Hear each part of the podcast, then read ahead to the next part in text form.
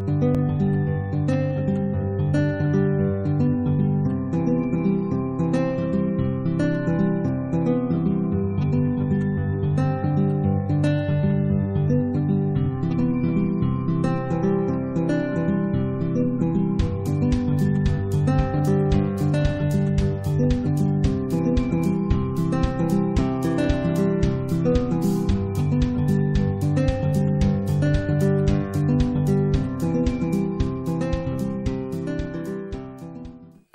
merhabalar. Yine bir Gençlerle Baş Başa programında birlikteyiz. Vaktin hayırlı olmasını, zamanın bereketli olmasını niyaz ediyorum ve besmele ile programa başlıyoruz. Efendim bu programda sizlerle ahlak üzerinde bir söyleşi yapacağız. Ahlak üzerinde duracağız. Çocukluğumuzdan, gençliğimizden ve hayatımızın her safhasından biliriz ki ahlak gerek bireysel gerek toplumsal çok önemli bir yer taşır hayatımızda.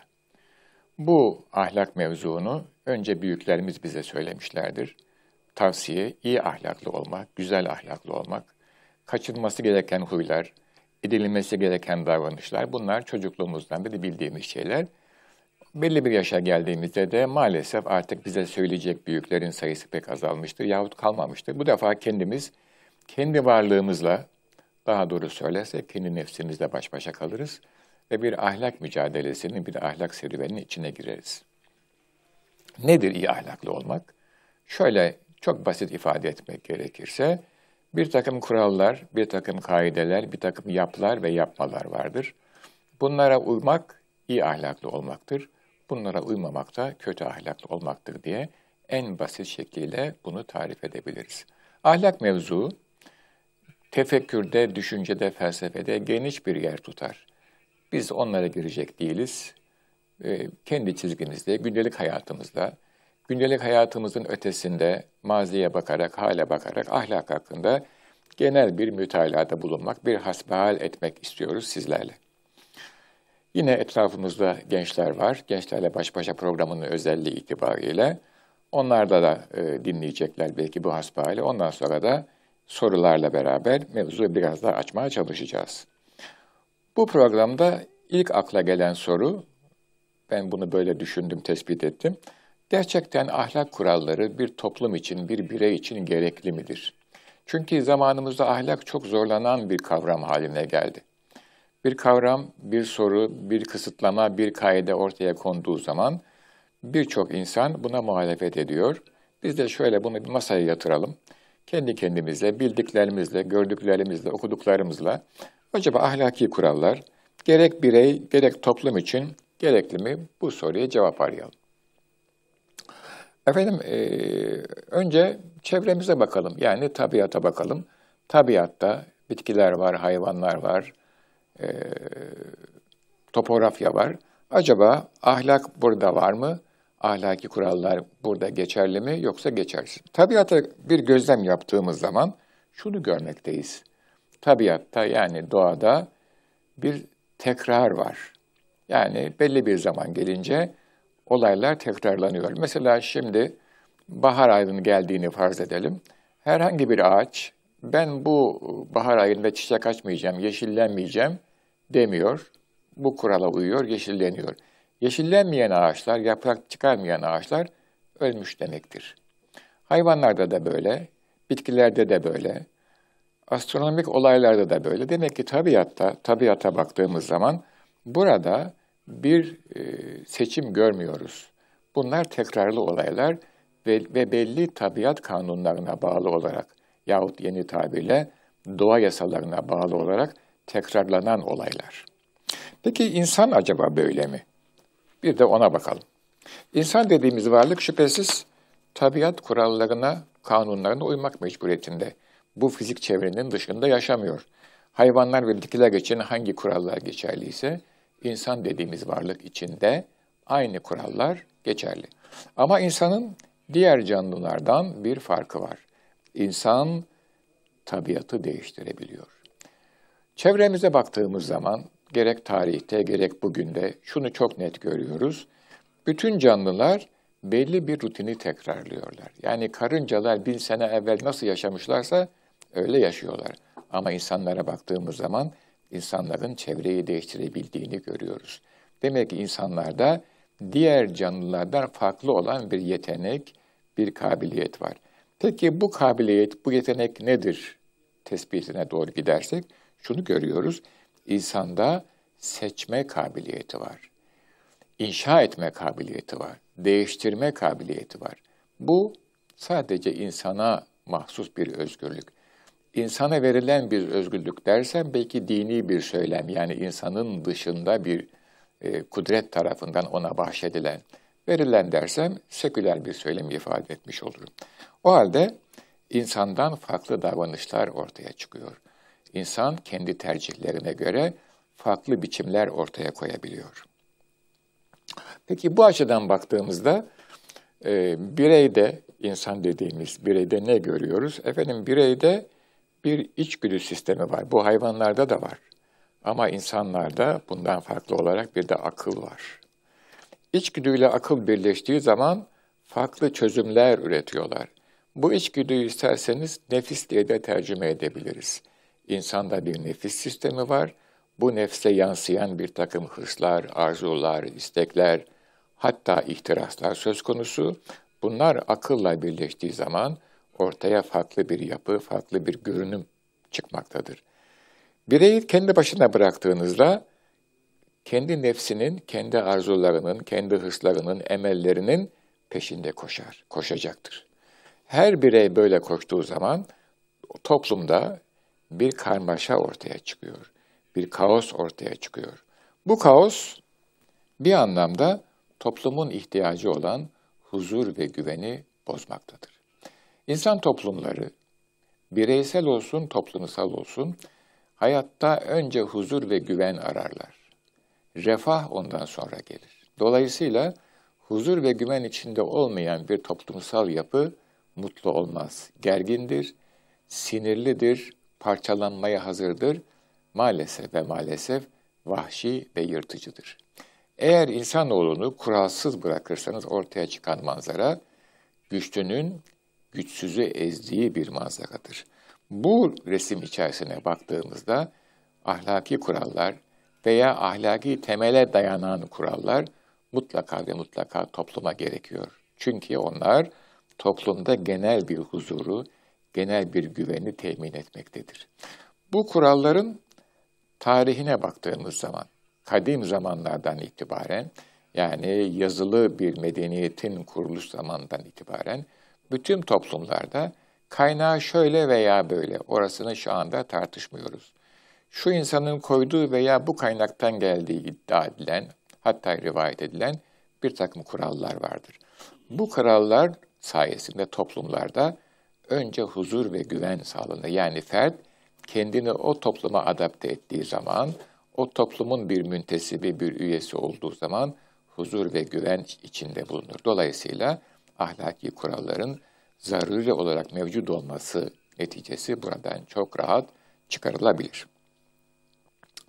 İnsan ahlaki kurallara uyduğu zaman hemen çok net görülüyor ki her istediğini yapamaz. Her istediğini yapmak dediğinden ne anlıyoruz diye sorarsanız hemen şöyle söyleyelim. İnsanda biraz evvel de sözünü ettik, içgüdüler var. E, şunu hemen belirtmekte büyük fayda var. İnsan dediğimiz varlık sınırsız arzu ve istek sahibidir ama bunların çeşitleri onun gördüğü, bildiği, kendisine söylenen, hayal ettiği sınırlarla ifade edilebilir. Hayal gücü ise sonsuz ve sınırsız değildir. Mutlaka ona bir izlenimin, bir haberin, bir mesajın gelmesi icap eder. Bu noktadan bakıldığında insanın içgüdüleri veya nefsi ve huyları gündeme geliyor. İnsan toplumun nazarında bir birey olabilmek için, o toplumun bir üyesi olabilmek için bu resminden, bu isteklerinden, bu profilinden bazılarını örtmek mecburiyetindedir ki bu özgürlüklerinden eğer bunlar özgürlükse fedakarlık etmek suretiyle toplumun üyesi olsun ve toplum ile olan ülfeti artsın, huzur ve güven ortamında yaşasın. Kısa vadede ahlaki kuralları e, ihlal eden insanlar kısa bir zaman içinde bir fayda sağlar gibi görünürler. Bu şu anda toplumumuzda da böyledir. Herhangi bir ahlaki kuralı e, ihlal eden birisi bir cüretkarlık yapmıştır. Bunun riskini göze almıştır. Fakat bu risk hemen ortaya çıkmaz. Bir menfaat sağlamış gibi ortaya çıkar bu insanın görüntüsü. Ama uzun vadede bu böyle gerçekleşmez. Çünkü uzun vadede insanın sahip olduğu güçler sınırsız ve değişmez kalmaz. Diyelim ki güçlü bir adam. O gücü sayesinde bu isterseniz fiziksel güç olsun, ister para gücü olsun, ister iktidar gücü olsun bir kuralı e, ihlal etti ve onun karşılığında göz kamaştıran bir başarı kazandı. Bir defa toplum nezdinde bu adamın yaptığı bu işe hiç ses çıkarılmasa bile, toplum nezdinde veya çıkarılamasa bile, toplum nezdinde bu adam iyi bir insan olarak görülmez. Bir menfaat karşılığında eski tabirle cemiyetin indinde siz belli bir noktaya doğru indirgenmiş vaziyettesiniz. Tabii bunu kabullenmek, kabullenmemek o da bir ayrı ahlaki kriterdir. Ama daha önemlisi yahut onun kadar önemli olan bir başka gerçek, elinizdeki güç her zaman aynı düzeyde kalmaz. Para gidebilir. Hele fiziksel güç çok rahat bir şekilde herkesin bildiği gibi yaş belli bir düzeye gelince kaybolur gider. Dolayısıyla belki o anda, o yaş döneminde, o servet döneminde ve o mevkide kaldığınız zaman, mevki de böyledir. Para da böyledir. Bunlar hiçbir zaman güvenilir güçler değildir insaniyet açısından. Bunlarla bir ahlaki kuralı ihlal ederseniz, gün gelir, o güçler elinizden gittiğinde toplum tarafından hiç de hayırla yad edilmeyen bir noktaya indirgenmiş olursunuz. Hala hayatınızda belki bunu görmezsiniz ama vefatınızdan sonra pekala böyle çok arkanızdan konuşulur. Hatta e, eskilerden bir beyit aklıma geldi. Vefatından sonra söylüyorlar. Ne kendi eyledi rahat ne halka verdi huzur. Yıkıldı gitti cihandan dayansın ehli kubur diyorlar. Bu ne ifade ediyor? Demek etrafı rahatsız eden, e, toplumun ahlaki kriterlerine uymayan bir insan, bundan sonra da kabir ehli dayansın onun şerine diyor insanlar. Böyle bir anılmak güzel bir şey yoksa iyi adamdı, halim adamdı, mükrim adamdı, müşfik adamdı şeklinde anılmak mı güzel. Nefsin ve egonun yahut içgüdülerin belli isteklerine set çekmek suretiyle pekala insanlar tarafından hayırla anılan bir kimse olmak mümkündür. Çünkü dünyadaki realite belli bir süre sonra kaybolur. Bir de işin şu cephesi var. Şimdi ahlaki yapı toplumun ürettiği ve sahip çıktığı bir yapı. Ve bu sayede toplum huzura ve güvene kavuşuyor. Onun ihlal eden insanlar bir manada toplumun huzur ve güveninden bir kısmını gasp etmiş oluyorlar. Yani kamunun hakkını yemiş oluyorlar. Bu da görüldüğü kadarıyla çok hoş bir davranış olmasa gerek. Tabii bu anlayışlar, bu tespitler birdenbire görülebilen, tespit edilebilen tespitler ve anlayışlar değildir. Uzun vadede zaman içerisinde bunlar anlaşılır. Şöyle düşünmek icap eder diye tahmin ediyorum. Diyelim ki bir toplumda bir takım ahlaki kurallar var. Toplumun yüzde beşi bu kurallara uymuyor. Toplum belki onları tolere edebilir.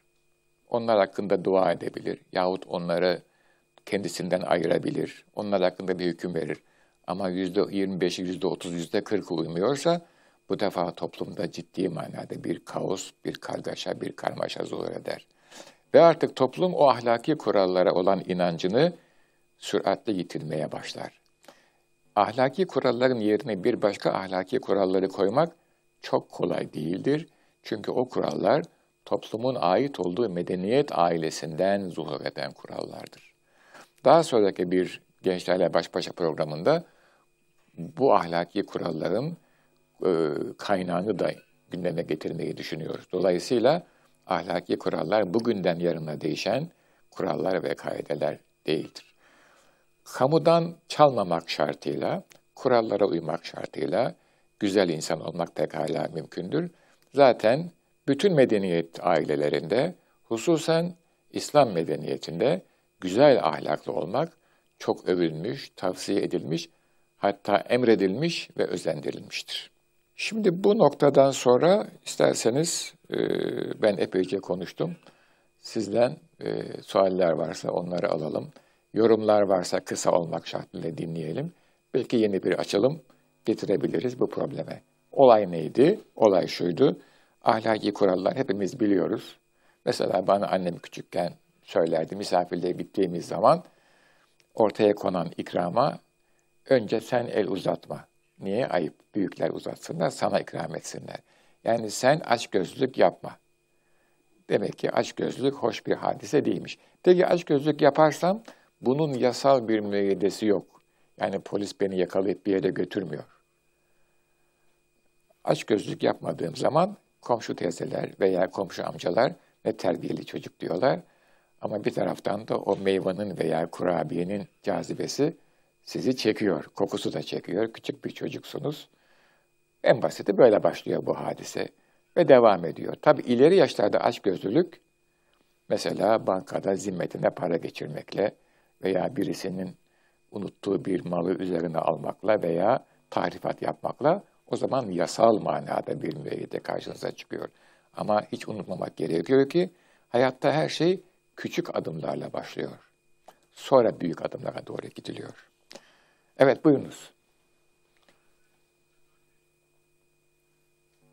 Bir genel, efendim buyurun. Bir genel sükunet oldu derken bir soru geldi. Benim burada kafama takılan bir nokta oluştu aslında. Şimdi bir toplumun yapısına baktığımız zaman genelde tarihten gelen şeyler birikerek devam eder. Hani Tabii. dil Tabii. olur, tarih olur, başka şeyler. Tabii. Ama e, günümüzde ahlaka baktığımızda sanki birikerek değil azalarak devam eder gibi bir tutum var. Hani e, büyüklerimizin e, anne babalarına davranış şekilleri, ahlaki davranışlarıyla günümüzdeki şeyler hani artmaktan ziyade daha çok azalıyor. Başka, pardon o şöyle bir şey, başka bir ahlak geliyor. Yani tabii sizin anne babalarınız, yani ben şöyle söyleyeyim, büyük anne ve büyük babalarınızın yaşadığı toplumda bir başka medeniyet tasavvurunun ahlaki ölçüleri hakimdi.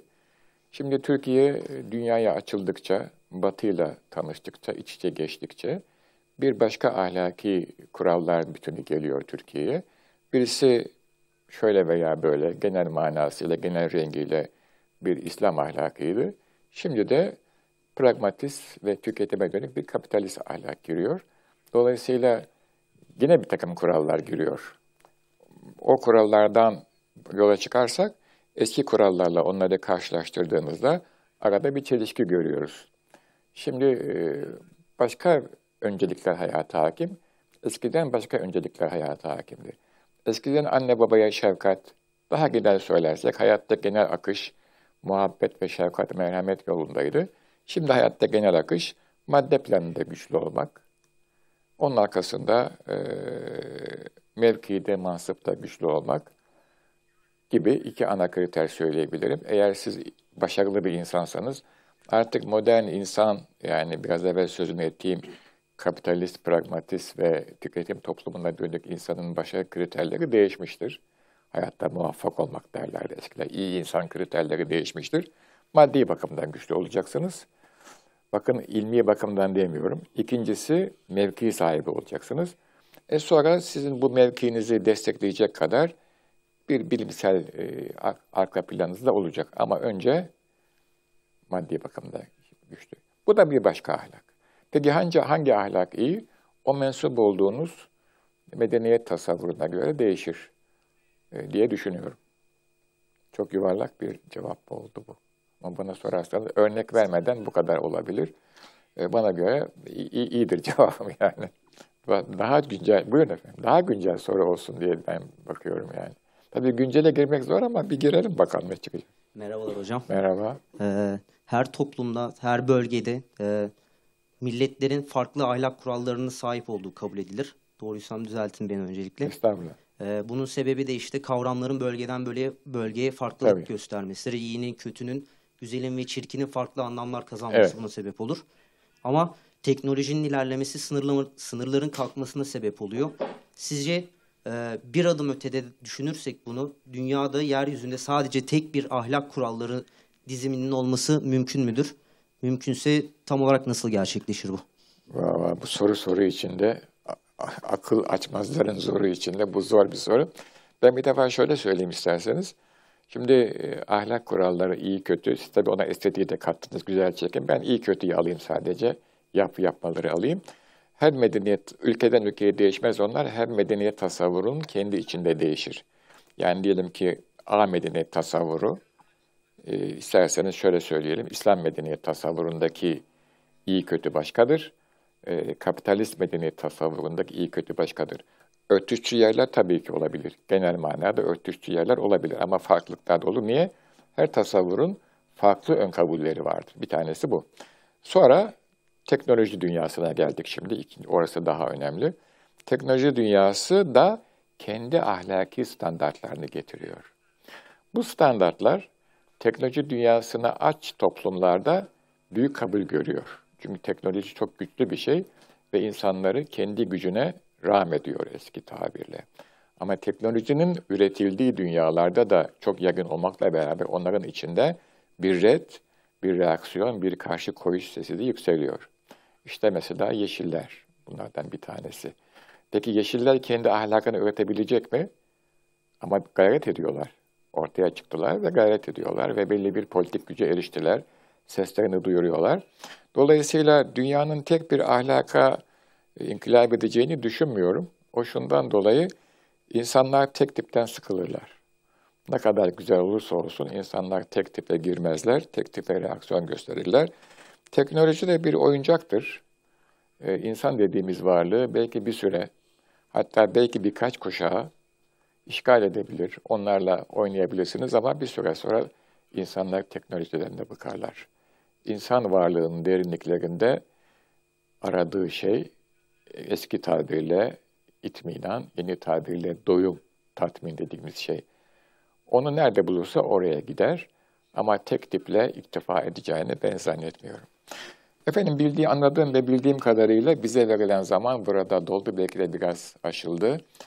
Ee, siz saygıdeğer izleyicilerimizi e, saygı, muhabbet ve sevgiyle selamlıyorum. Allah'a ısmarladık diyorum.